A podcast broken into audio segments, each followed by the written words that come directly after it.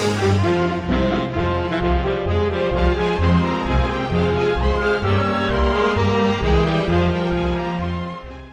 pagi sobat pendengar Good News di seluruh kepulauan Nusantara, bahkan di mana saja saudara berada. Inilah radio streaming Good News Studio Jakarta. Kami kembali di udara melalui saluran digital streaming dengan channel GSJA Good News radiostream123.com membawakan acara siarannya untuk hari ini sebuah obrolan rohani. Sobat pendengar Good News, selamat mengikuti siaran kami Bersama saya hambanya Yusuf Ruslim, selamat mendengarkan dan tetap semangat.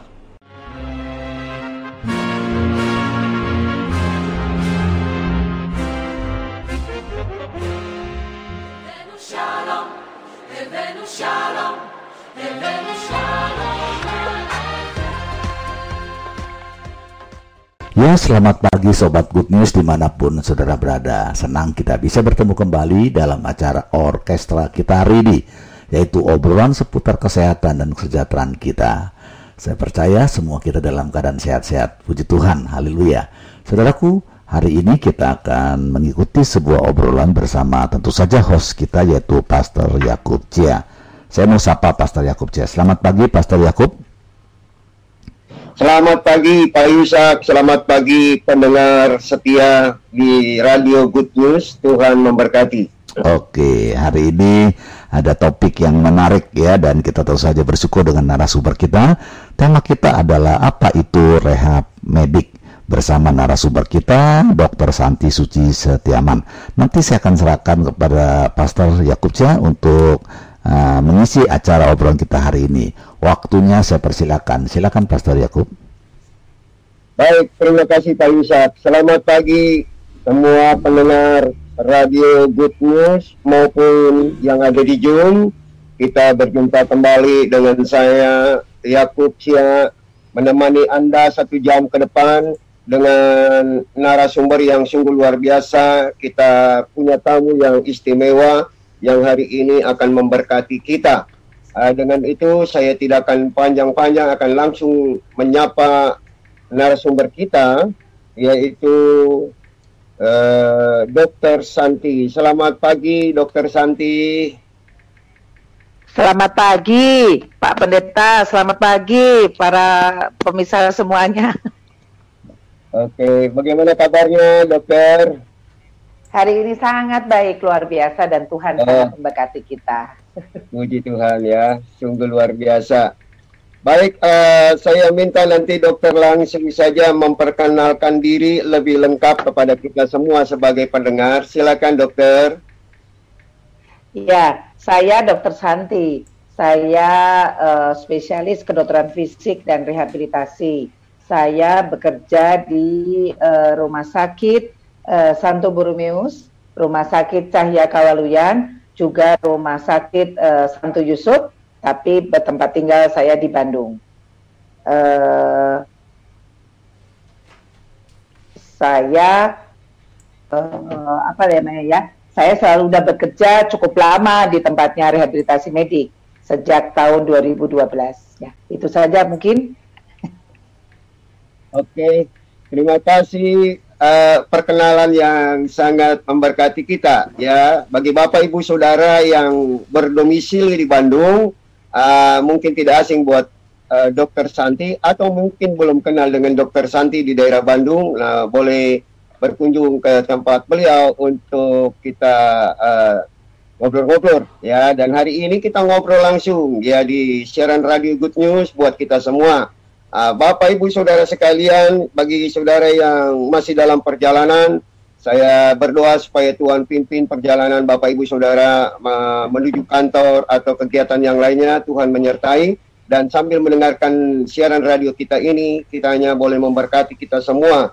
Nah, Bapak Ibu Saudara sekalian, topik kita pada pagi ini bicara tentang apa itu rehab medik ya karena banyak sekali kita uh, belum mengerti dan belum mengenal lebih dalam. Nanti Dokter Santi akan memperjelas uh, apa itu yang namanya uh, rehab medik buat kita semuanya. Baik Sobat Kucus di mana pun berada, uh, tadi Dokter Santi sudah menjelaskan kepada kita bahwa Uh, beliau praktek uh, di Rumah Sakit Santo Boromius Group di Bandung ya dan beliau juga memang tinggal di Bandung jadi ini perkenalan dari beliau tentang di pelayanan beliau. Nah, untuk itu biarlah mari semuanya kita akan dengarkan bersama-sama pemaparan beliau yang luar biasa buat kita semuanya. Dan untuk itu juga saya memberitahukan kepada seluruh pendengar radio apabila ingin bertanya segera uh, hubungi kami di 0818769161 atau 0818941137 untuk saudara boleh menanyakan tentang apa itu tentang uh, alat-alat atau apa yang diperlukan di dalam rehab medik nanti saudara bisa bertanya kepada dokter karena dokter ini akan memperjelas buat kita semuanya. Maka dengan itu saya tidak langs, uh, tidak menunda lagi kita langsung bicara saja dengan beliau uh, dokter apa yang dimaksud dengan rehab medik. Jadi biar mereka tahu dokter. Silakan. Selamat pagi semuanya. Selamat pagi Pak Yakub, selamat pagi Pak Pendeta, selamat pagi para pendengar. Uh, saya akan menjelaskan sedikit apa yang disebut rehabilitasi medik. Rehabilitasi medik itu sebetulnya adalah suatu wadah ya, suatu bagian di mana uh, tugasnya dia adalah membantu pasien-pasien yang terganggu fungsinya kita bicaranya apa yang terganggu fungsi, macam-macam yang tergantung fungsinya. Tapi eh, rehabilitasi medik itu adalah bagian dari terapi yang diberikan di rumah sakit maupun di klinik. Jadi eh, rehabilitasi medik itu selalu ada bagian di mana dalam pemeriksaan pada pasien kita, kita tuh selalu berpikir bahwa ada preventif, ada promotif, ada kuratif. Nah, jadi apa yang kita cegah, apa yang kita jaga, apa yang kita uh, terapikan ya obat ya itu itu kuratif. Kemudian yang terakhir rehabilitasi. Jadi semua eh, rata-rata uh, pasien yang terganggu oleh gangguan fungsi itu akan pergi ke bagian rehabilitasi medik. Nah, itu sebetulnya istilah rehabilitasi medik seperti itu. Baik, uh, dokter, terima kasih buat penjelasannya. Nah, uh, apakah Repedik ini punya tujuan atau goalnya buat para pasien gitu dokter atau para dokter silakan oh uh, goalnya rehabilitasi medik itu jelas ya. Yang terakhir adalah uh, pengembalian fungsi ya. Nah fungsi apa saja yang terganggu? Wah itu macam-macam. Ya kalau misalkan kita bicara rehabilitasi medik itu dari anak-anak sampai dia uh, tua ya sampai lanjut usia. Kalau pada anak-anak, bisakah dia tidak uh, berbicara dengan baik? Pasien datang dengan terlambat dokter, saya anak saya tidak bisa bicara. Nah, itu terhadap ada gangguan fungsi dalam bicara dia. Kalau orang dewasa, apa yang terjadi? Yang dewasa adalah gangguan fungsi, misalkan dia tidak bisa jalan, dia tidak bisa makan, ya kan? Nah, itu semua gangguan fungsi. Ketika terjadi gangguan fungsi, itu itu goalnya adalah ketika kita sudah terapi, goalnya adalah gangguan fungsinya akan membaik, setidaknya optimal. Ya, harapan kami adalah kembali seperti yang dahulu kala, ya. Tetapi kalau tidak bisa 100%, kita harapkan dia optimal sehingga dia bisa melakukan aktivitas sehari-harinya. Jadi goalnya adalah fungsinya tetap, tetap terbaiki, kemudian dia dapat melakukan aktivitas dia sehari-hari, hasil akhirnya adalah dia happy ya. Jadi itu ya goalnya ya. Iya. Ya, iya. Goalnya mereka, mereka happy gitu ya. Iya betul kalau saya. Juga luar biasa penjelasan dari dokter ya. Nah dokter saya uh, mendapat informasi bahwa Rehab Medik ini punya tim. Nah bisa jelaskan uh, tim itu dokter? Ya, uh, remedik itu memang uh, besar ya, luas ya di dalam rumah sakit maupun klinik dia ada berbagai macam tim di dalamnya. Apa saja sih eh, teman-teman uh, kita atau terapis apa saja sih yang melakukan uh, terapi di bagian kami. Pertama, dia punya dokter spesialis rehab medik ya, yang disebut adalah spesialis kedokteran fisik rehabilitasi ya. Nah, kedua, dia punya fisioterapi. Kemudian dia ada okupasi terapis. Dia ada terapis bicara. Ya, dia ada psikolog di dalamnya. Dia ada ortotik prostetik. Kemudian dia ada juga yang namanya social worker ada kalanya beberapa rehabilitasi center itu mempunyai nutrition di dalamnya situ. Nah, itu semua berkolaborasi untuk membentuk, uh, untuk memperbaiki uh, fungsional orang tersebut. Nah, jadi setiap orang sangat berbeda. Tidak bisa kita bilang yang ini kita harus lakukan terapinya seperti A. Semua orang sama, tidak bisa. Makanya tim itu dibentuk untuk bekerja berkolaborasi semuanya. Jadi sebetulnya tim itu itu saja. Oke, jadi itu tim yang dijelaskan oleh dokter ya. ya. Uh, ya. Jadi tidak bisa sembarangan begitu ya dokter ya untuk. nggak bisa. Uh -uh. Jadi nggak boleh sembarangan dok uh, pasien maunya seperti ini, tapi itu semua ada uh, prosedurnya begitu ya? Iya ada prosedurnya dan semua harus dilatih. Jadi misalkan ada satu orang menderita penyakit uh, A gitu ya, apakah dia perlu fisioterapi? Apakah perlu latihan dengan okupasi terapi? Apakah terapi bicara? Nah, tugas-tugas mereka masing-masing berbeda. Kalau kita bicara soal fisioterapi, kita bicaranya adalah kekuatan otot, otot-otot kita yang besar ya, menggunakan alat-alat, modalitas fisik kita ada banyak. Tapi kita bicara tentang okupasi terapi. Sebenarnya okupasi terapi itu siapa? Dia itu orang yang terapis yang membantu untuk melakukan aktivitas sehari-hari, penggunaan tangan, aktivitas makan. Nah, itu dilatih oleh tera okupasi terapis. Kemudian buat apa sih terapi bicara? Buat latihan menelan, buat kesulitan pada daerah oromotor, begitu. Psikolog sudah mungkin para pendengar semua sudah mengetahui bahwa psikolog itu jelas sangat sangat membantu kita dalam hal psikologinya. Social worker, siapa itu social worker? social worker itu adalah penyambung antara kita uh, yang memberikan terapi, mungkin dengan perusahaan, mungkin dengan keluarga. Itu tugas para social worker ini.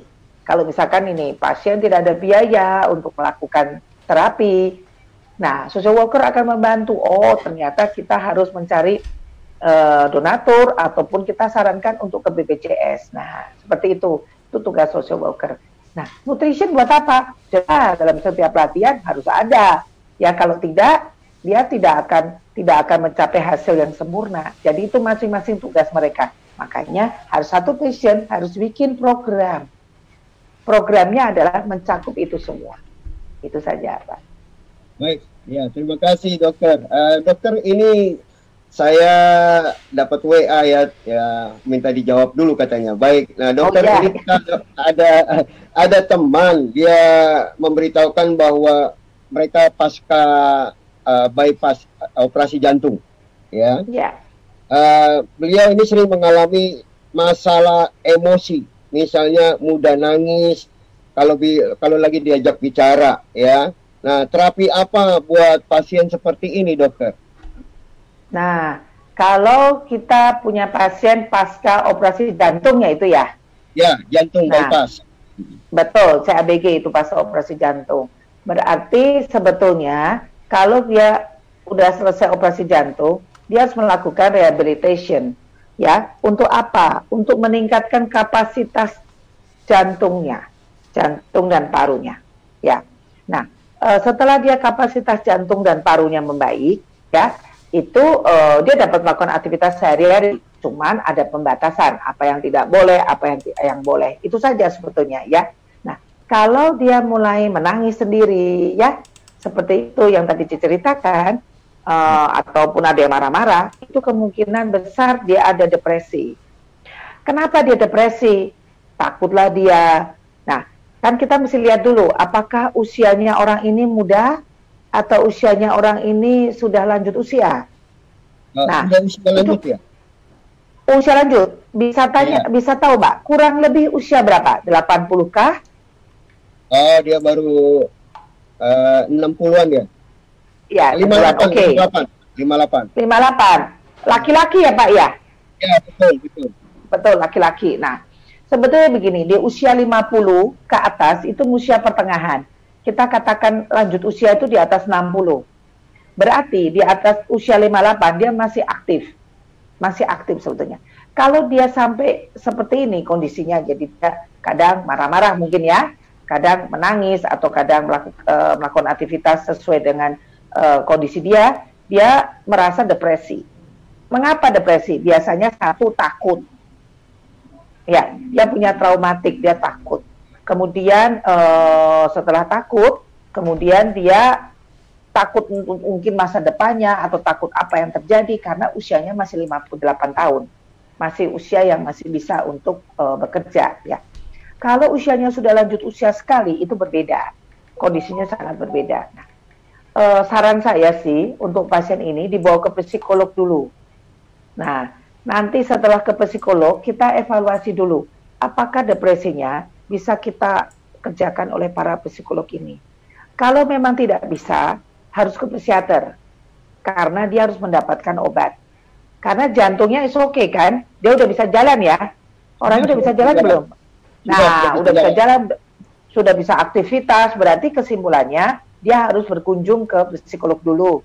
Kalau psikolog tidak bisa menangani, dia harus ke psikiater untuk dapat obat dulu. Ya, karena kalau operasi jantung itu berbeda dengan operasi otak. Kalau otak mungkin memang ada kelainan di otaknya, tapi kalau jantung kan cuma di jantung. Nah, itu bisa kembali ke hampir sempurna ya ke pasien. Ya, baik. Terima kasih ya. Uh, memang teman kami ini kalau ada yang sapa beliau, dia langsung nangis begitu dok. Jadi, uh, ya, betul. Uh, uh. Gak apa-apa, operasi jantung CABG itu ya asal dia latihan, dia mulai jalan, dia mulai exercise, oke okay, gitu loh. Dia bisa kembali lagi kok, ya kecuali operasi otak itu ada penjelasannya. Tapi kalau operasi yang yang jantung membuat saya uh, kita berikan harapan kepada dia, kita motivasi dia, jalanlah, ndak apa-apa, ndak usah takut, begitu kan? Nah, dia depresi itu dia merasa sedih kenapa saya begini bagaimana masa depan saya. Biasanya seperti itu pasien-pasien kami. Kalau kami sini tugasnya ya ayolah bel, anu uh, kembalilah ke normal. Karena CABG itu kan hanya diperlebar. Oksigennya sudah kembali sempurna. Jadi is okay untuk bekerja berjalan atau bekerja lagi.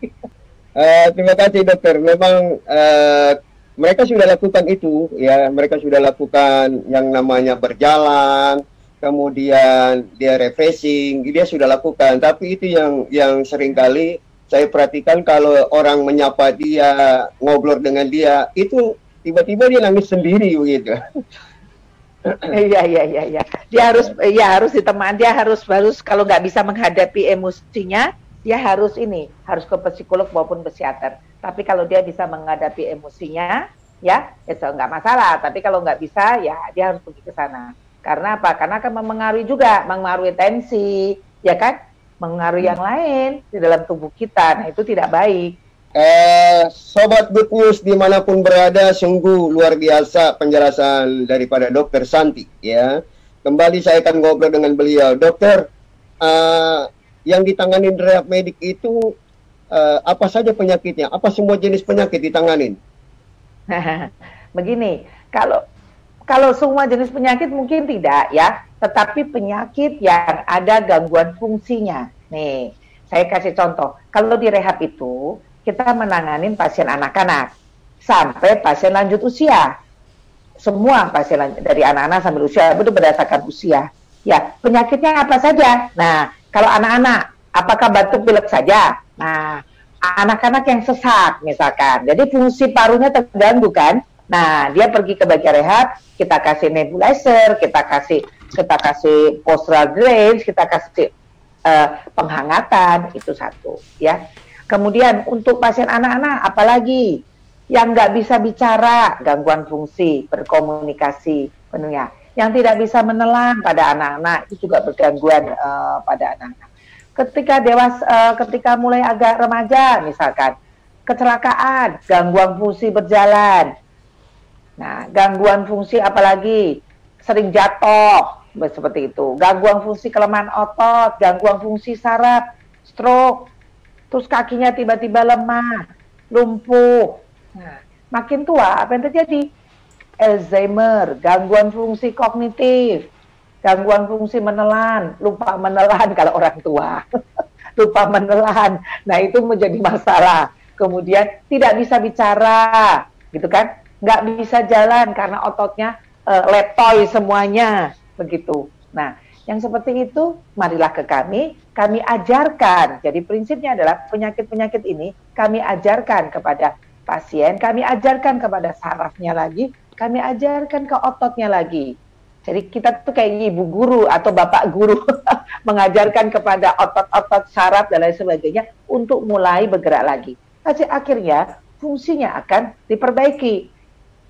Ya kan sehingga pasien happy dalam menjalani hidupnya. Jadi penyakit apa saja? Ya penyakit yang ada problem gangguan fungsi, menelan, gangguan fungsi jalan, gangguan fungsi kognitif ya, ngomong nggak nyambung dan lain sebagainya. Ya itu saja Pak. Oke, terima kasih dokter. Uh, di WA ini apa di chat ini juga ada pertanyaan buat dokter ya, dua pertanyaan. Kapan Boleh. seseorang memerlukan rehab medik? Yang kedua, apakah selalu harus dirujuk dari dokter lain? Misalnya dokter umum dirujuk ke spesialis begitu. Terima kasih dokter jelaskan. Baik, tadi pertanyaan pertama penyakit apa saja uh, ya? Kapan? Kapan seseorang oh, kapan? Oke. Okay. Ya. Uh, kapan sih pasien akan dikirim ke kami untuk latihan begitu dan sebagainya? Memang kalau ada gangguan fungsi yang saya tadi bilang, ya kita kasih contoh saja biar lebih jelas ya. Misalkan pasien itu stroke, ya, terus dia nggak bisa jalan, dia tidak bisa ngomong, dia tidak bisa menelan. Apa yang terjadi? Gitu kan? Nah, saat itu kita mulai latihan ke dia, ke ke pasien itu kita latih dia berjalan, kita latih dia untuk bicara, kita latih dia menelan. Nah, jadi eh, kapan dia mulai dikirim? Sesegera mungkin. Biasanya dari rumah sakit ketika dia rawat inap sudah dikirim, ya. Nah, jadi eh, rehabilitasi medik itu dimulai sejak pasien masih kondisi akut pun bisa, yaitu di ICU. Ya, kenapa? Ketika pasien di ICU, pasien sudah nggak sadar, ototnya mulai lemah, paru-parunya bisa berisi cairan dan lain sebagainya. Kita mulai latih itu. Kalau ada pasien cancer, mau diapain ya? Sejak awal itu dia mungkin sudah lama bedridden, dia tidak berjalan, kita latih dia. Tergantung cancernya ada di mana, tergantung problemnya ada di mana. Ya kan? Kalau kita bicara cancernya ada di tangan, setelah diambil kita gerakkan tangannya untuk kembali pulih sehingga ototnya bisa menjadi tumbuh. Nah, itu contohnya itu. Jadi kapan dia bisa dikirim? Ya Bila ada gangguan fungsi, sesegera mungkin mau dari akut juga boleh kondisi yang di awal sampai kondisi yang kronik yang sudah lama ya. Nah, e, pertanyaan kedua apakah harus dikirim dari dokter yang lain gitu ya? Nah, ya dari e, Oh, dokter umum boleh, dokter spesialis boleh, datang sendiri pun boleh. Ya, jadi ke medik itu karena ada dokter spesialis kedokteran fisik rehabilitasi, jadi bisa dari bisa dirujuk, bisa tidak dirujuk. Misalkan kalau dia dirujuk bisa dari dokter umum atau dokter spesialis lain. Kalaupun dia mau datang sendiri, dia ketemu dokter dulu, kita akan nilai gangguan fungsi apa yang terganggu. Biasanya dia sudah pergi ke teman-teman sejawat saya ya, yang bawa obat dan lain sebagainya. Nah, saya, tugasnya kami adalah, saya dokter rehab adalah, saya bikin program. Program itu yang akan dikerjakan bersama-sama dengan para terapisnya. Jadi kita bekerjanya adalah komprehensif ya bersama-sama. Jadi kecuali ada aturan yaitu pakai asuransi. Kalau kita itu kalau kita bicara asuransi berarti kita bicaranya aturan oleh asuransi tersebut. Nah, kalau aturan oleh asuransi kita harus mengikuti apakah lewat dokter umum dulu atau kalau spesialis lain. Kalau BPJS sampai sekarang ini harus memang dirujuknya ada berjenjang dari dokter umum pergi ke spesialis lain baru ke kami begitu jadi kalau asuransi memang mempunyai sistem yang sedikit berbeda itu uh, dokter ya. ini ada pertanyaan buat uh, pasien yang sedang memerlukan jawaban dari dokter pertanyaannya hmm. adalah uh, pasien ini uh, sakitnya OA stadium 3 ya. Uh, apakah fungsinya bisa kembali normal? Itu pertanyaan yang pertama. Yang kedua, apakah perlu dioperasi? Uh, pertanyaan ketiga, uh, ada pantangan nggak buat yang sakit OA uh, stadium 3? Begini, kalau OA stadium 3, sebelum kita uh, uh, apakah dia perlu operasi ataukah dia bisa sembuh, kita harus jelaskan dulu yaitu uh, patofisiologi dari OA ya. Jadi kalau OA grade 3 itu kalau OA grade 1 itu paling uh, ada osteofit ya, ada pengapuran. Kalau OA yang grade 2 mulai ada sedikit penyempitan di sendi itu. Kalau kita bicara osteoartritis grade 3 itu biasanya sudah mulai ada uh, deformitas istilah kami. Jadi ada ada bentuk kaki yang berbeda. Jadi nggak lurus lagi, sudah mulai miring, ya kan? Nah, mulai miring. Kemudian kalau grade 4 sudah nempel banget ya ke ke ke yang di bawahnya, dari atas dan di bawah. kalau kita bicara OA genu ya. Nah, sekarang kalau pertanyaannya apakah OA itu bisa sembuh? Nah, OA itu adalah proses degeneratif proses penuaan karena fungsinya karena kita kan bergerak berapa nah ketika dengan penambahan beban ya kan penambahan berat badan dan lain sebagainya nah jadi itu proses yang lama dia nggak mungkin proses mendadak OA itu prosesnya sudah lama OA itu jadi kalau sudah grade 3 itu sudah cukup berat ya karena terakhir ada grade 4 ya grade 3 itu akan timbul nyeri dan deformitas nah dilihat dulu. Biasanya dokter akan melakukan tindakan banyak. E, disuntik dulu untuk menghilangkan nyeri, ya kan? Terus dilakukan sebelum dia operasi, disuntik dulu, dikasih obat dulu, dan lain sebagainya. Apakah fungsinya akan kembali lagi 100%? Pertanyaannya. Kalau 100% sepertinya tidak bisa, ya. Tetapi nyerinya akan berkurang, itu nomor satu. Kalau kita lakukan latihan-latihan, nyerinya berkurang. Lifestyle-nya berubah, yang berubah apa? Berat badannya turunkan. Suka nggak suka, berat badan kita harus turunkan. Karena bebannya terlalu besar untuk ke OA itu. Berat badannya turunkan. Bergeraklah tetap. Ya kan? Kalau memang Mas pakai obat, pakai suntikan, di terapi, ya kan? Kemudian eh, kalau memang tidak masih sakit juga bisa memakai brace di kakinya. Nah, itu grade 3. Kalau kita mulai maju ke berikutnya, ternyata jatuh ke grade 4, ya memang paling baik adalah operasi. Itu yang pilihan yang paling baik. Tapi operasi itu tidak menakutkan loh sebetulnya. Ya, tapi orang bisa takut. Jadi kalau kita bicara operasi lutut, itu sebetulnya kita memang dikasih suatu mungkin alat dokter ortopedi bisa lebih menjelaskan ya. Tetapi bila dikasih dikasih eh, pengganti lutut, itu dia bisa aktivitas lagi. Cuman ada hal-hal yang boleh dikerjakan dan yang tidak boleh dikerjakan. Kalau di bagian rehab, apa yang bisa membantu pasien itu untuk grade 3 ini? Satu, dia latih, dia membantu mengurangi nyerinya dengan alat-alat modalitas kami. Kami punya ada TENS, ada US, ada laser, ya, macam-macam. Kemudian kedua adalah kami akan membantu pasien untuk menurunkan berat badan dia. Ya, caranya bagaimana ya diatur dibikin program. Kemudian yang ketiga adalah uh, dia harus penguatan otot-otot. Sebab kalau kita bicara osteoartritis, terutama osteoartritis di bahu kah, osteoartritis di lutut kah, itu problemnya adalah ototnya yang tidak kuat. Karena ototnya tidak kuat, sehingga ototnya tidak bisa melindungi sendi ini. Nah, tugas kami adalah membantu otot itu menjadi lebih kuat. Cuman kalau dikasih PR, harus latihan ya di rumah. Soalnya kalau dikasih PR nggak latihan itu jadi masalah. ya, itu saja. Ya. Iya, harusnya kasih latihan sehingga tetap harus latihan. Dan nanti ada pertanyaan berikutnya olahraga apa dok? Itu kan latihan apa? Nah, nanti kita bisa jelaskan macam-macam. Oke, terima kasih dokter ya buat uh, penjelasannya.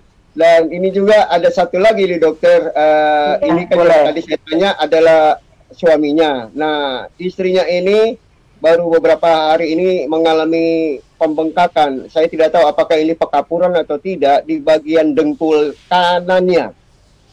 Yo kanan. Nah, ya, ya, jadi itu perlu penanganan seperti apa? Ya, boleh tahu usianya berapa Pak kira-kira? Uh, usianya mungkin 40-an ya. 40-an ya. Oke. Okay.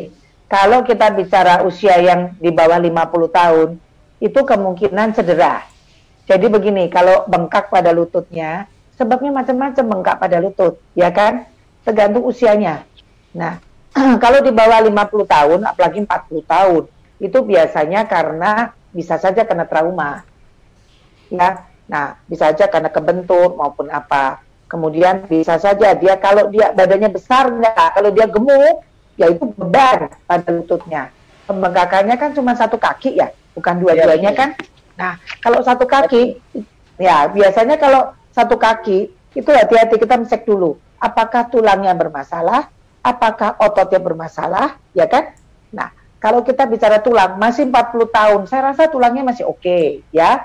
Kita bicara uh, mungkin ada bursitis di daerah situ.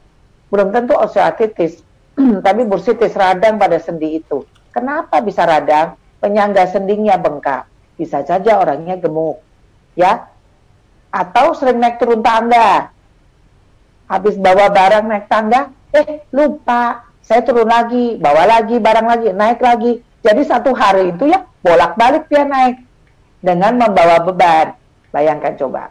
Nah, yang seperti itu. Nah, apa yang mesti ditangani dengan pasien seperti ini? Bisa minum obat, ya. Suntik biasanya nggak dulu, pakai obat dulu. Setelah obat dulu bisa ke, ke tempat rehamedik, ya. Dibikin program untuk membantu mengurangi bengkak. Nah, kalau bengkak sekali, tindakan apa yang ada di rumah sekarang ini? Yang ada di rumah adalah pegang itu sendinya apakah sendinya hangat atau tidak. Maksud saya begini, dibandingkan dengan lutut yang lainnya. Kalau lutut yang satu dipegang, ih kok lebih panas, berarti lutut itu pakailah yang dingin, dikompres, kompres yang dingin. Nah, nanti kalau sudah kompres dingin, ya kan sudah tidak panas lagi, nah nyerinya biasanya berkurang, udimnya berkurang. Jadi di awal-awal adalah begitu dia bengkak, pegang, waduh, terasa dia uh, terasa panas nih, berarti aku kasih dingin. Ya. Kalau itu dikerjakan di rumah. Ya, kalau misalnya usianya di atas 50? Ya, 50 60 hati-hati. Kalau makin tua kan bisa osteoporosis. Ya kan? Ya bisa OA, bisa osteoartritis karena itu proses degeneratif, bukan bursitis. Makanya kenapa perlu penilaian oleh dokter apakah dia itu uh, bursitis, osteoartritis atau osteoporosis dan lain sebagainya. Kalau yang penting adalah berat badan, berat badannya ini gede apa enggak? Kalau dia datanya gede, wah itu ya memang memang itu jadi masalah. Targetnya adalah berat badannya kita turunkan dulu. Kalau enggak, nyerinya akan berulang-ulang. Sekarang membaik, nanti minggu depan jadi lagi. Gitu. Apalagi lifestyle-nya, naik turun tangga, bawa barang berat. Gitu. Baik. Dokter, ada pertanyaan di chat ini. Uh, ibu saya usianya 79 tahun. Kondisi ya, okay. kondisi sehat. TB atau BB uh, 155 per 65 kilo, uh, kilo. Ya, ukuran tungkai agak kecil dan bengkok. Kalau jalan agak miring badannya. Bagaimana saran senam secara mandiri untuk meningkatkan kebugaran? ini usia 79 tahun. Berat badannya tadi berapa ya? Tinggi 155, berat badan 155 60. per 65. Ya, 65 ya. Ya. Uh, kemudian tungkainya sedikit bengkok. Ya, sehingga miring. jalannya jalannya menjadi miring. miring. Nah, tungkai bengkok, jalannya miring, lihat punggungnya. Apakah punggungnya bengkok enggak? Nah, jangan-jangan itu bukan tungkainya saja yang bengkok, tapi punggungnya ikut bengkok sehingga jalannya miring. nah, jadi uh, uh, jadi itu saja ya yang yang harus diperhatikan. Kalau tungkai kita bengkok, perhatikan punggungnya. Apakah punggungnya ikut bengkok atau tidak? Ya, kan kalau kita jalannya miring, itu bisa saja karena dari punggungnya. Bisa saja karena panjang tungkainya tidak sama kiri dan kanan. Karena kebengkokannya itu dulu 50 cm. Coba diukur, ternyata karena bengkok dan sebagainya dia memendek satu. Dia akan berjalan pincang ataupun miring ya, tergantung. Nah, olahraga apa sih yang harus dikerjakan ibu itu. Usia 79 tahun, dia masih kuat ya. Ya, ada sepeda statik nggak di rumah? Nah, kalau ada sepeda statik, kita pakai sepeda. Atau masuk ke kolam. Masuk ke kolam bukan berenang ya. Wah itu 79 tahun ya. Mungkin mungkin berjalan di kolam. Ya, berjalan di kolam. Kemudian dia naik sepeda, sepeda statik ya. Kalau sepeda yang bukan statik, ya bukan nggak boleh tapi butuh keseimbangan nah oh kenapa orang tua tuh tidak disarankan naik sepeda yang berjalan sepedanya yang lagi ngetrend sekarang nih ya lagi naik sepeda ke mana-mana. Bukan karena nggak boleh. Apakah yakin keseimbangannya baik? Kalau keseimbangan baik nanti malah jatuh. Nah jadi olahraga yang paling baik itu satu ya. Kalau mau pakai sepeda boleh. Ya, anu pakai apa namanya uh, di kolam boleh. Ataupun kalau jalan nih lari tidak disarankan ya. Karena kakinya kan udah bengkok nih. Kedua, jalan bisa, tapi tidak bisa kan? Dia mungkin akan nyeri ya kemungkinannya kalau dia kakinya bengkok. Nah, kemudian uh, itu udah dua ya, sudah tadi olahraganya. Olahraga di rumah apa? Ketika dia duduk, pasien itu duduk, ketika duduk kan biasanya 79 tahun tuh hobinya kalau nggak duduk tidur, ya tiduran, duduk. Ketika duduk, Gerakanlah kaki, diputar-putar seperti naik sepeda. Nah, kita penguatan otot, otot paha di depan, otot paha di belakang. Jadi dengan cara duduk dan kita naik sepeda dengan cara duduk. Paling itu ya. Ya, terima kasih dokter. Uh, ya. Dokter ini kebetulan saya ada istri, dia mau bertanya. Silakan. Boleh. Saya tidak dengar suaranya. ya. Pagi dok. Ya, pagi. Saya bilang, mau tanya, uh, usia saya 48, pundak di pundak, suka se pundak sebelah kiri, ya, suka sakit nyeri gitu, kadang sakit, kadang hilang gitu. Itu kenapa ya dok ya? Pundak sebelah kiri ya Bu ya? Ya. Pundak sebelah kiri, kadang sakit, kadang nyeri, atau gimana? Iya iya. Kadang kalau nyeri, kadang uh, uh, suaranya mungkin lebih jelas bu.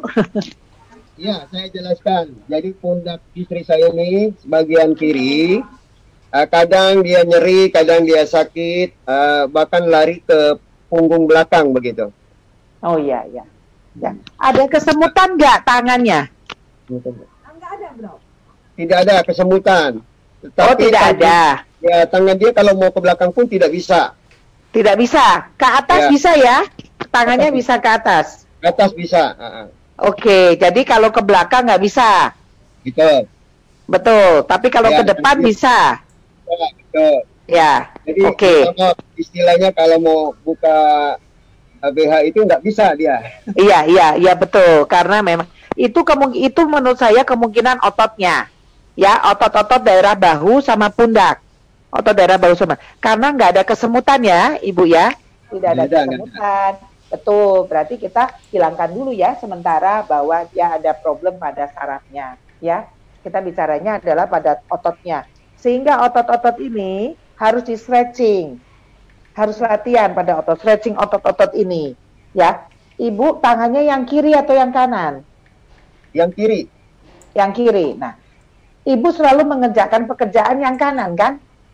Ya, betul. Ya. Kalau pekerjaan tangan yang berat yang kanan, kadang-kadang kiri itu menahan beban lebih berat karena dia narik. Jadi waktu kita mengerjakan, yang kanan sih oke, okay, tapi kirinya kan menahan lebih lebih banyak. Nah, itu yang membuat otot-otot kita menjadi spasm. Kita harus stretching, Bu. Latihan-latihan gitu. Ketika di stretching, ya kalau memang mau ke bagian rehab medik, nanti di sana akan dikasih mungkin alat-alat modalitas ya untuk me melenturkan ototnya, men-stretching, itu paling Pak. Ya, kemungkinan ya. menurut saya adalah itu adalah ototnya. Ya, jadi kita mesti latihan, mau nggak mau. Ya. Baik. Terima kasih dokter buat penjelasannya dan ya. sungguh luar biasa uh, buat kita semua yang di mana kita bisa mendengarkan dengan jelas uh, ada banyak pertanyaan yang memang perlu dijawab ya oleh dokter. Ya. ya di sini ada pertanyaannya. Ada orang yang pertama kali terkena serangan stroke, sebaiknya terapi apa? Yang kedua, bagaimana uh, boleh nggak pengobatan melalui akupuntur atau tusuk jarum? Begini, stroke-nya itu baru pertama kali stroke, tapi baru berapa bulan? Kalau saya boleh tahu itu ya, sebab penangannya berbeda dengan kita baru menderita stroke di bawah enam bulan dengan kita stroke-nya itu sudah satu tahun, misalkan seperti itu. Itu sangat berbeda, ya kan? Karena kalau stroke, problem apa yang terganggu? Problem bicarakah? Ya kan? Problem menelankah? Ataukah problem berjalankah? Atau problem kognitif? Kadang-kadang orang pasien stroke itu bicaranya kakinya nggak apa-apa, baik-baik aja, tapi bicaranya terganggu, menelannya terganggu begitu. Ada pasien stroke yang bicara menelan oke, okay, tapi tangan kakinya yang terganggu. Jadi problemnya berjalan. Bisa saja dia semua normal, kecuali kalau diajak ngomong error. Ya, karena dia kognitifnya yang terganggu. Jadi otaknya yang terganggu gitu. Jadi penangannya beda-beda. Itu pasien stroke, ya. Jadi uh, ini nyambung dengan pertanyaan kedua. Boleh nggak akupunktur kita kerjakan?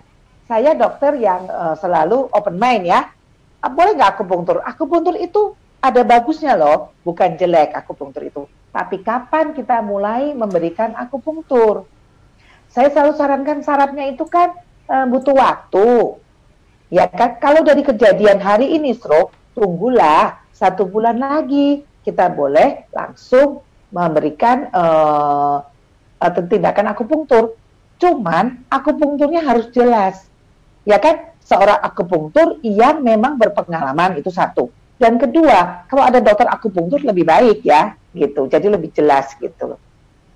Nah itu biasanya hanya motorik ya urusannya ke akupunktur yang saya tahu ya. Tapi kalau mungkin jelas mungkin dokter akupunktur akan bisa menjelaskan ya. Tetapi kalau kalau kognitif perlu latihan dong ya. Kalau otak itu kan memorinya hilang. Coba.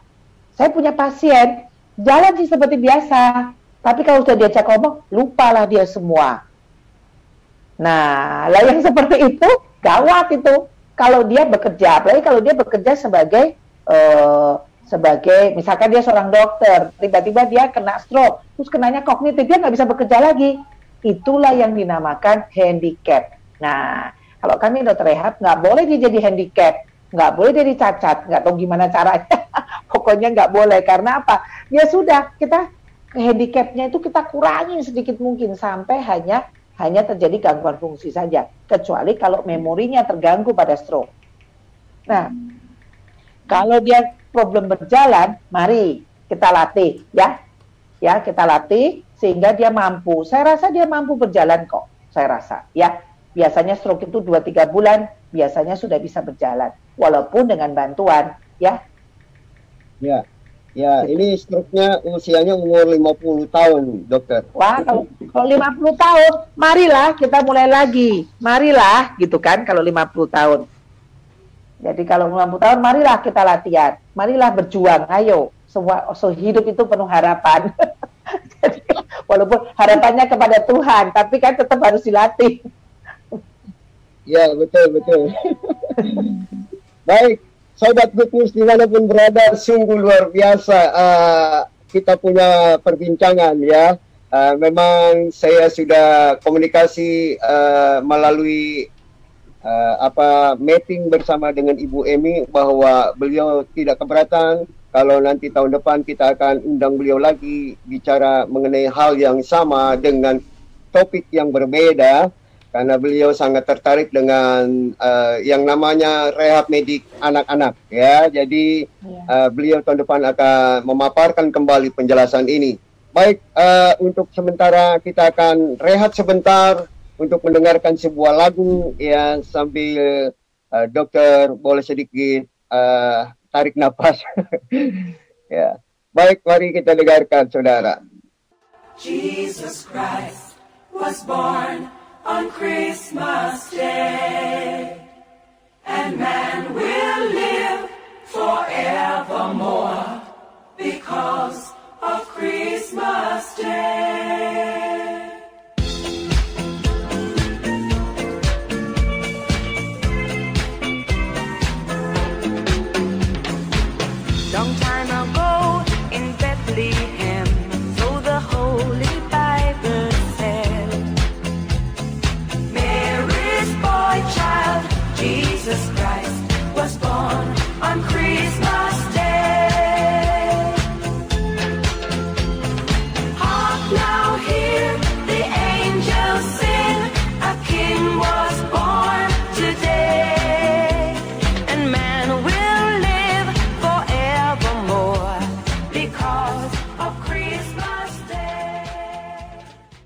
Baik dokter, di chat ini juga ada yang bertanya ya, kalau sudah kontraktur apa bisa baik dokter?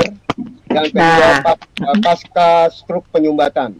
Eh, maksudnya kalau kontraktur pada pasca stroke ya? Ya betul. Betul. Nah, pasca stroke-nya kon- kalau kita bicara kontraktur, itu bicaranya adalah eh, eh, perubahan dari bentuk ya. Betul nggak? Jadi misalkan pada tangan kita didiagnosa kontraktur, berarti tangan kita tidak bisa diluruskan lagi. Karena kalau stroke itu biasanya punya pola.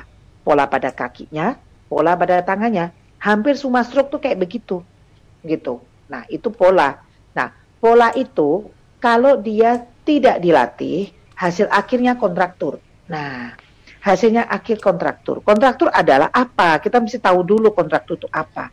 Kontraktur itu adalah kalau dalam bahasa awam ya, ketika otot-otot kita menjadi otot itu kan ada di depan, ada di belakang. Bayangkan coba, kalau kita mau gerakan siku kita, itu kan kita lipat siku kita, luruskan siku kita. Yang narik yang depan, yang nahan yang belakang. Kalau kita mau narik, contoh kita mau sikunya kita tekuk ya, berarti yang narik yang depan, yang belakang akan menahan dia, memanjang dan lain sebagainya. Begitu juga kebalikannya, kalau kita mau luruskan, yang narik yang belakang, yang depan yang nahan. Kalau enggak, bablas dia ke belakang, nanti copot. Itulah, Tuhan memang luar biasa, dia bisa bikin seperti itu. Jadi, depan dan belakang harus seimbang. Nah, karena problem keseimbangan itu pada pasien stroke, ada yang satu yang dia menarik lebih kuat, ada yang satu lemah dia. Nah, kontraktur akan terjadi ketika yang kuat narik terus-menerus, tapi dia tidak pernah diluruskan karena hasil akhirnya ototnya memendek. Ketika dia mulai memendek, apa yang terjadi ketika dia memendek? Bisa nggak diluruskan? Nah, itu mesti dites dulu, di stretching dulu. Apakah dengan stretching itu kontraktur itu bisa maju? Ya, maksudnya maju itu bisa menjadi eh, lebih, misalkan dia tekuk ya kontrakturnya karena posisi eh, siku dilipat. Ketika kita mulai stretching, apakah memang enfeel-nya? Jadi ketika kita tarik itu masih kita bisa nggak? Nah, kalau itu bisa, ketika kita tarik bisa, berarti kemungkinan dia bisa menjadi lebih baik, tetapi tidak optimal kalau sudah diagnosa kontraktur. Ya, saya selalu tidak bisa bilang eh, bahwa kontraktur itu tidak 100%. Kontraktur tidak akan bisa sembuh, itu tidak ya. Karena sembuh itu urusan Tuhan ya. kalau kita kan cuma latihan ya, kita melatih. Tapi enfeel-nya waktu kita tarik N-nya ya, waktu kita tarik tangan itu, wah ini kok nggak bisa diluruskan. Kita tarik sedikit, oh dia masih bergerak ototnya. Berarti kita akan lakukan dengan alat-alat ya, dengan ultrasound, dengan laser, dengan alat-alat. Kita stretch pelan-pelan oleh para fisioterapi sehingga dia dia bisa maksimal, optimal lurusnya. Ya, kecuali kontrakturnya bertahun-tahun. Nah, kalau dia kontrakturnya udah bertahun-tahun, memang ototnya jadi memendek. Ketika ototnya memendek, dia sudah jadi beku istilahnya. Nah, itu memang kami sarankan, oke, kita sarankan ke ortopedi ya, kita operasi ya di ortopedi dulu, ya kan? Atau suntik botok, biasanya kalau sudah gitu disuntik botok. Cuman botok itu bila dia spastik, bila dia kaku saja pada pasien stroke itu bisa, ya. Tetapi kalau dia tidak dilatih juga, tetap akan kembali lagi. Jadi yang penting adalah apakah betul kontraktur itu sudah masih bisa ditarik nggak? Kalau sudah nggak bisa ditarik, memang agak sulit. Biasanya saya sarankan untuk pergi ke ortopedi untuk operasi. Oke, dokter, eh, istri saya bertanya tindakannya eh, apa yang dokter sarankan? Perlu ke ke rehab medik dulu atau sebagai apa yang tadi istri saya mengalami sakit yang di tangan kirinya itu? Ya, kalau kita nyeri pada pundak, boleh langsung ke rehab medik akan dievaluasi dulu ya ke dokternya dulu. Kita lihat dulu di, eh, apakah memang dia ototnya ataukah yang lainnya. Kalau dia memang ototnya, dia akan dikasih program biasanya. Programnya adalah dengan memakai alat-alat modalitas kami, misalkan ultrasound, TENS. Kemudian program kedua, pakai stretching, pakai latihan, diajarkan home exercise untuk pasiennya.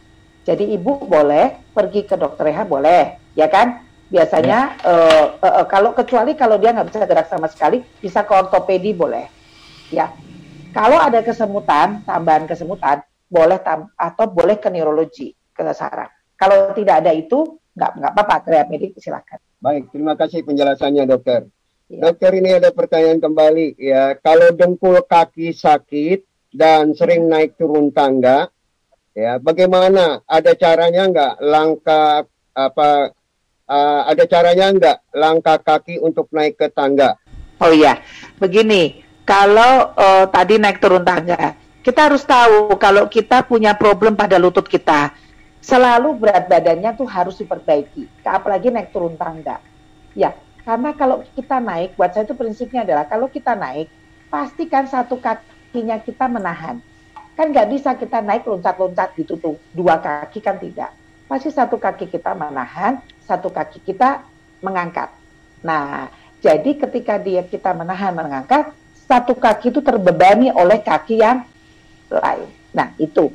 Jadi berat badan harus diturunkan kalau memang itu rumahnya atau aktivitasnya naik turun tangga, yaitu satu.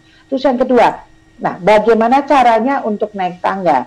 Selalu saya selalu selalu bilang kepada pasien saya, e, naiklah dengan kaki yang baik, ya, maksudnya kaki yang tidak sakit, ya kan? Kalau turun kaki yang sakit justru dengan berpegangan. Nah itu prinsipnya seperti itu.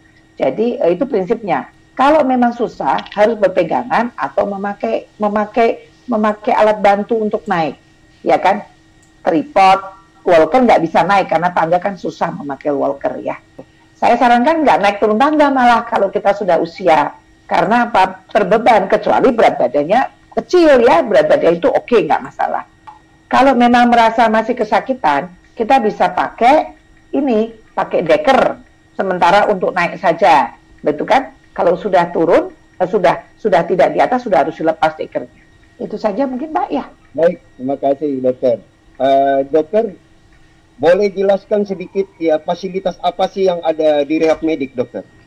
Oh fasilitas, fasilitas kami itu banyak ya. Salah satunya kami punya alat-alat di situ. Alat-alat di bagian rehab medik itu salah satunya. Yang di fisioterapi kami punya alat ultrasound, TENS, ya, yang mungkin istilah awam tidak begitu paham, tapi itu alat-alat itu terus alat-alat pemanasan diatermi ya dengan infrared, dengan MWD gitu. Kemudian alat-alat apa lagi? Alat-alat latihan. Kami punya gym, punya sepeda, ya kan? Nah, punya gym, punya sepeda buat alat-alat exercise untuk misalkan shoulder, misalkan, ya kan? Misalkan ini uh, tangga buat latihan jalan, ya kan? Atau paralel bar, itu alat kami. Kemudian uh, ada lagi tempat yang namanya untuk anak-anak Snow Salon, ya itu ruangan untuk melatih anak-anak, misalkan autism, ya kan yang seperti itu. Kemudian ruangan uh, sensor integrasi, ruangan terapi perilaku, uh, terus apa lagi ya? Banyak sekali ya. Oh kolam, kami juga ada kolam, kolam hidroterapi, ya hidroterapi itu kolam bukan bukan kolam biasa, tapi kolamnya kolam biasa, tetapi latihan di dalamnya yang penting. Nah, contoh seperti itu alat-alat kami, fasilitas kami seperti itu. Terus ada track buat buat latihan ya, misalkan um, bekas atlet, misalkan bukan bekas atlet, atlet ya cedera, kami punya track juga, jadi track buat latihan jalan ya, pasien sakit jantung, track buat latihan, latihan dia six minute walk test ya, latihan untuk jantung kapasitas jantung barunya, nah kita punya alat seperti itu. Oke, terima kasih dokter. Baik dokter, ini ada uh, dua lagi yang bertanya ya. Uh, pertanyaannya yang pertama adalah ini sering kali dialami oleh ibu-ibu ya. Jarinya sering kali uh, sudah ngelekuk begitu susah dibuka itu ya. Uh, satu-satu mesti dibuka pelan-pelan begitu. Nah itu apa penyebabnya dokter? Kalau kita bicara pada tangan, itu kita bicara pada otot ya, kita bicara pada tulangnya, kita bicara pada sarafnya. Tiga itu yang harus diperhatikan. Kalau jari-jari tidak bisa dibuka, ada kesemutankah di jari-jari itu? Ya kan? Pernah cederakah? Pertama tindakannya biasanya saya suruh ronsen dulu. Ya, setelah di ronsen kita lihat tulangnya bermasalah tidak.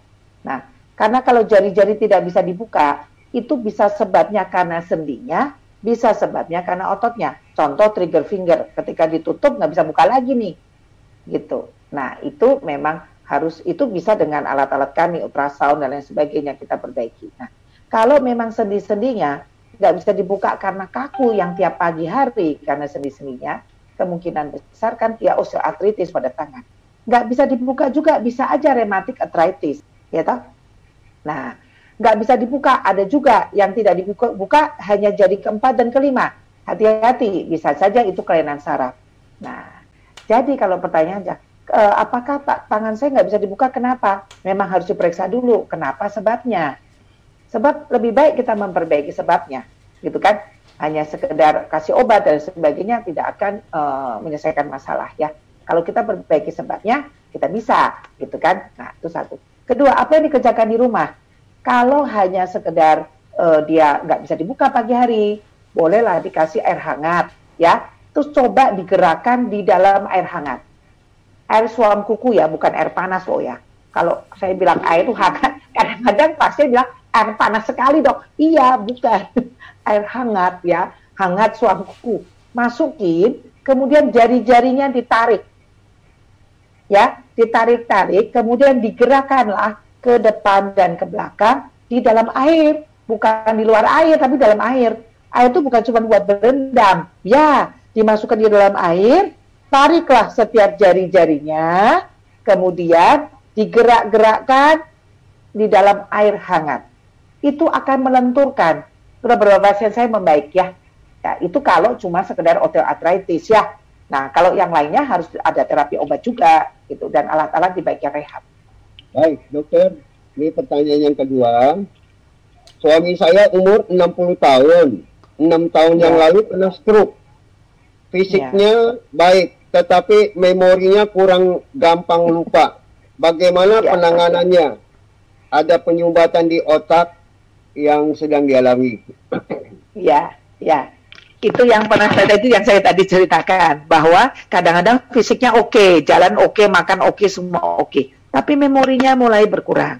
Nah, kalau usia 60 tahun, seharusnya memorinya kan masih cukup baik ya karena dia mulai di masa geriatri yang yang masih awal geriatri. Nah, jadi uh, apa yang mesti kerja-kerja? Kita latihan pasti, ya. Nah itu perginya kalau memang mau latihan, mau tahu contoh latihannya apa saja, bisa bisa pergi ke uh, bagian rehabilitasi medik, minta okupasi terapis. Nah, okupasi okupasi terapis itu dia akan melatih di otaknya, ya, melatih membiasakan kita mengembalikan memori itu harus dibiasakan. Ya, termasuk yang ada di rumah. Ya, tempat sendok, tempat kunci itu harus tahu dia. Tapi memori terganggu, memorinya apa dulu? Kadang-kadang memori nama yang terganggu. Tapi kadang-kadang memori matematikanya yang terganggu. Tapi biasanya kalau matematika enggak, apalagi duit. itu kalau pasien diinget-inget duit, inget dia duitnya. Tapi kalau nama anaknya nggak inget dia. Tapi kalau duit inget, saya juga heran itu. Tapi itu kebanyakan pasien gitu pada saya tuh. Jadi kalau urusan duit, seratus ribu dikurangi lima berapa? 95, oh inget dia gitu ya. Tapi kalau urusan nama, lupa dia. Nah ada yang seperti itu. Jadi berbeda memorinya, berbeda latihannya gitu. Saran saya sih pergi cari okupasi terapis, nanti kita latih ya. Paling itu yang saran saya. Setelah itu kita kerjakan di rumah rutin. Tapi sementara ini yang di rumah apa? Uh, tergantung memorinya yang terganggu. Kalau dia memori meletakkan barang dia selalu lupa, harus diletakkan pada tempatnya yang sama, tidak boleh berubah. Ya, tergantung. Tergantung apa? Kalau dia memorinya terlupa adalah apa ini? Nama. Harus dibuka buku foto. Liatin yang ini namanya ini disuruh mengingat-ingat berulang-ulang. Pasti dia akan kembali itu. Tetapi tergantung ya, kalau otaknya sudah uh, tidak bisa kembali 100%, setidaknya kita men meningkatkan kondisi dari kondisi yang sekarang. Baik, terima kasih dokter uh, buat penjelasannya. Ini ada satu lagi, beliau bertanya, saya kepengen tanya dokter, ibu saya menderita diabetes sudah le, uh, sudah lebih 20 tahun.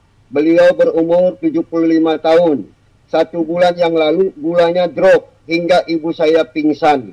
Setelah kejadian itu, ibu saya sulit untuk mengunyah dan menelan makanan. Latihan apa yang harus dilakukan agar dia bisa mengunyah dan menelan seperti semula?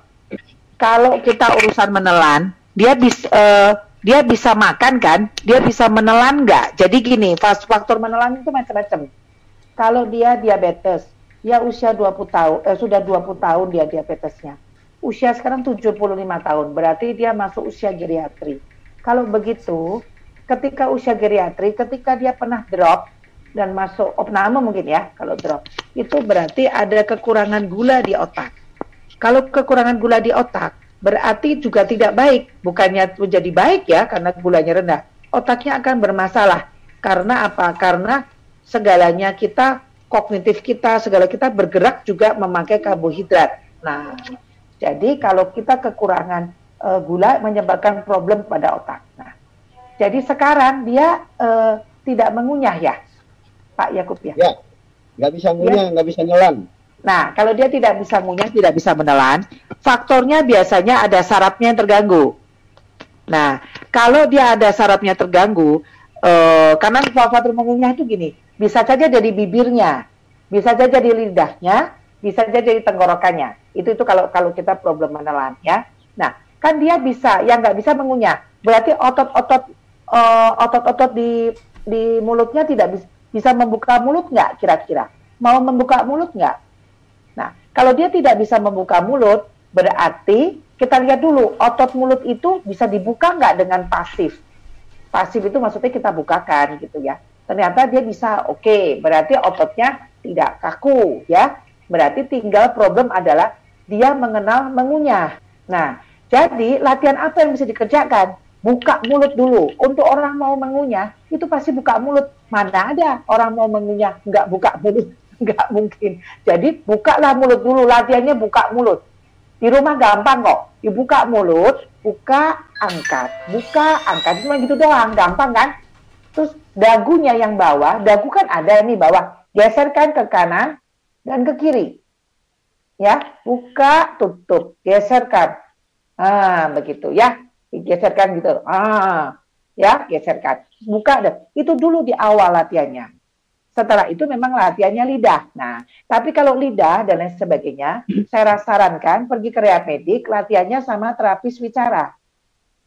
Ya, pergi ke terapis bicara. Bukan untuk latihan bicara, untuk latihan menelan. Nah, satu. Kedua, ini pasien stroke. Eh, ini pasien diabetes ya. Nah, nanti dilihat kognitifnya terganggu nggak? Karena sudah 75 tahun. Kalau kognitifnya terganggu, ya, itu dia problemnya adalah dia lupa loh kalau dia harus ngunyah. Karena dia lupa ngunyah, dia harus latihan kognitif sama okupasi terapis. Ada dua ya terapis ya. Terapis bicara untuk latihan menelan, okupasi terapis untuk latihan kognitifnya. PR yang ada di rumah, gerakanlah ini, apa namanya, gerakan eh, dagu berulang-ulang ke bawah, ke atas, buka mulut ya, ke kiri, ke kanan. Baik, terima kasih dokter.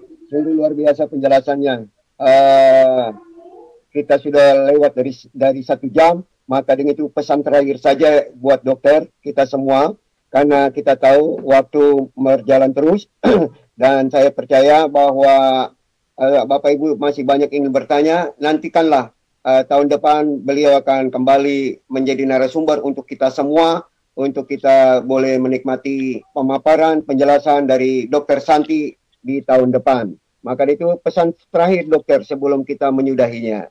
Ya, jadi ke, untuk remedik adalah setiap kali kita mengalami gangguan fungsi, jangan takut dan jangan ragulah untuk kita berlatih, memperbaiki fungsi kita. Karena kalau fungsi kita mem, uh, terbaiki, kita akan lebih berbahagia sebagai manusia. Itu nomor satu. Dan perhatikan yang uh, message yang kedua adalah perhatikanlah uh, segala kelebihan orang itu. Sebab kalau di bagian kami, saya tidak melihat keterbatasan. Saya melihat apa yang dia mampu.